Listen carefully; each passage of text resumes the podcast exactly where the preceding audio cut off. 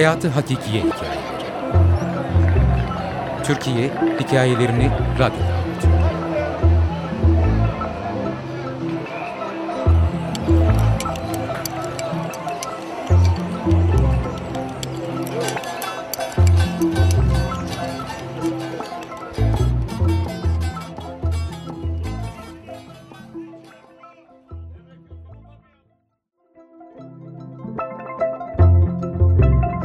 Sınav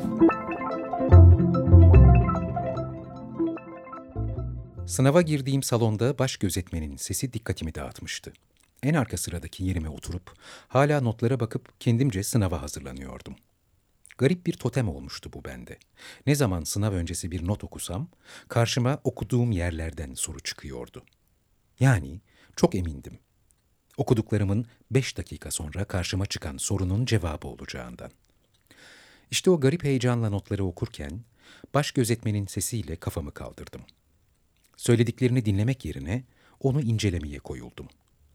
Fön çekilmiş, at kuyruklu sarıya boyalı saçı, sabah saati olmasına rağmen oldukça detaylı makyajı, özellikle gözlerinin altına ve üstüne siyah kalem çekilmiş iri gözleriyle elindeki kağıttan sınav kurallarını okuyordu.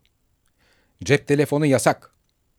Halbuki salona girmeden önce polisler tarafından aranıp suç aleti olabilecek cep telefonlarımızı emanetçiye para karşılığı bırakmıştık bile. Kimseyle konuşmayınız. İki ön sırada oturan orta yaşın üzerindeki bey ve hanım hala konuşuyordu işte. Ödünç kalem silgi istemeyiniz. Bir sıra önümdeki gözlüklü çocuk itinayla hazırladığı şeffaf kalem kutusundaki kalemlerden birini, belki de uğurlu olanını özenle çıkarıp ucunu üfledi düello sonrası kazanan kovboy misali. Gözetmenlere soru sormayınız. Soru sormak hep kötü bir şeydir zaten. Sınav süresince tuvalete çıkamazsınız. Umarım ani bağırsak hareketleri yaşamam. En nihayetinde kuralların okunması bitti. Alt gözetmenler kopya çekilmesini engelleme amaçlı dört seçenekli kitapçıkları karman çorman karıştırıp sıralara yerleştirdi. Başlayın ikazı verildi ve sorularla baş başa kaldık. Totem yine işe yaramış, beş dakika önce okuduklarım karşıma çıkmıştı. Neredeyse mutluydum. Ta ki arka sıradaki kadının kalem, kalemtıraş ve silgisini toparlayıp fermuarlı kalemliğe koyup fermuarı çekme sesini duyana kadar.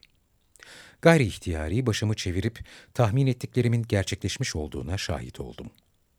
Sonrası, sonrasında kulaklarım seslere daha bir duyarlı oldu. Soru kitapçığını kapattı, optik cevap kağıdını kitapçığın içine yerleştirdi ve dikleştirip sıraya vurarak düzeltti. Artık benimkinden daha büyük olan mutluluğunu ilan etmesinin yansıması vardı. Parmakları masada piyano çalar vaziyeti aldı. Tıkır tıkır tıngır. Hepsini duydum, duyuyordum. Arkamdaki öğrenci kısa süre içinde hem Wittgenstein'ın hem Platon'un hem de Kant'ın görüşlerini bir çırpıda anlamış, soruları çözmüştü. Derin nefes alıp tekrar sorulara gömüldüm. Yanıtını bulamadığım iki soru üst üste geldiğinde yelkenler iniyor, kafayı kaldırıp etrafa bakınıyordum. Baş gözetmen kimlik belge kontrolünde orta sıralara gelmişti. Alt gözetmenlerse bizi uzaktan sessizce gözetlemekle meşguldü. Görebildiğim tüm öğrenciler soru kitapçığına odaklı neden pembe olduğunu anlayamadığım optik kağıtta işaretlemeler yapıyordu. Derken 30 dakikalık sınav süresi sona erdi. Bu arada bakımlı, şık giyimli gözetmen zamanı iyi kullanamamış, yoklamayı bitirememişti. Bizlerden 5-10 dakika süre isteyip yerimizden kalkmamamızı rica etti. Fakat önlerde oturan bir kız ayağa kalktı, kitapçığını, cevap kağıdını eline alıp gözetmenin masasına yöneldi. Hem yürüyor hem bağırıyordu. İşinizi bitiremediğiniz için bizi burada tutamazsınız. Ben kabul etmiyorum, dedi ve masaya ulaştı. Baş gözetmen, lütfen anlayış bekliyorum, rica ediyorum. Aksi takdirde sınavınız geçerli olmaz diyerek kızı korkutmaya çalıştı. Fakat ayaklanma başlamıştı. Önde oturanlardan 5-10 kişi gözetmene veryansın edip olayın tetikçisi kız gibi masaya yöneldi. Arka sıralarda oturanlar olarak sessizce olan biteni takip ediyorduk. Yanımda oturan adam dayanamadı. Siz felsefe okuduğunuzdan emin misiniz? Bir beş dakika bekleyin işte. Boşu boşuna vakit kaybettiriyorsunuz, dedi. Öndeki tetikçi kız bizim tarafa dönüp, onlar nasıl benim sınav süresince olası tuvalet ihtiyacıma karşı geliyorlarsa, ben de süre bittiği için çıkma hakkına sahibim, dedi. Tabii susmadı, devam etti. Kadın gözetmene de dönüp, işini zamanında bitirememesinin sorumlusu ben değilim gibi bir şeyler söyleyip, küçümseyen bakışlarla süzüp dışarı çıktı. Ardından ön taraf tamamen ayağa kalktı ve kızı takip etti. Gerçi onların kağıt kontrolü yapılmıştı.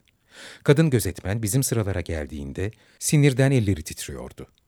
Beş dakika içinde işini nihayetlendirdi. Sonrasında sanırım sinirleri boşaldı ve ağlamaya başladı. Öyle ki mendil uzatırken gözlerinin içinin kıpkırmızı olduğunu gördüm. Gözlerinden sanki yaş değil kan akıyor gibiydi. Palyaçoların yüzlerinin ucuz makyaj malzemelerinden etkilenip kızarması gibi bir hal aldı. Sınav başlamadan gördüğüm makyajı, siyah kalemi ve rimeliyle yanağında izler bırakıp aşağıya akıyordu. Ağlamasını fark eden iki üç kadın da yanına gelip baş kadın gözetmeni teskin etmeye çalıştılar. Ona bağıran kız için, o sınıfa girdiğinde de bir garipti zaten, lütfen ağlamayın gibi laflar ettiler.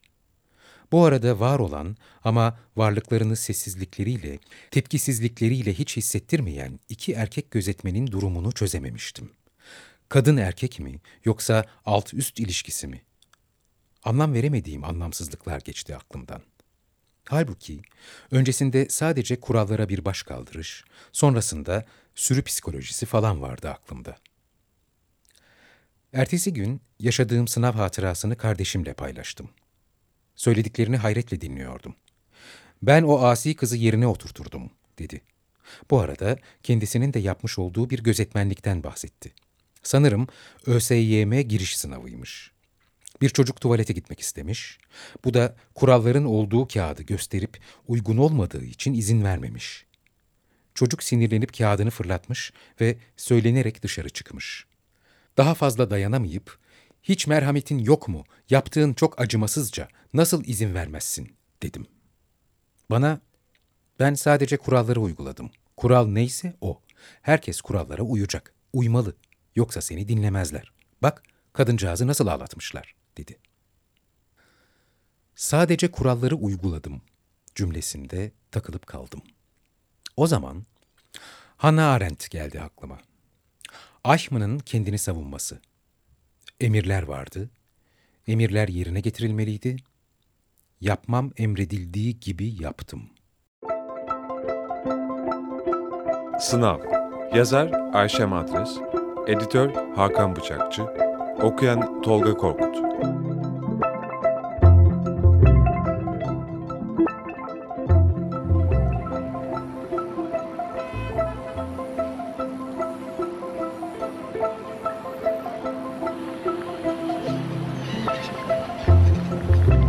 Hayatı Hakikiye Hikayeleri.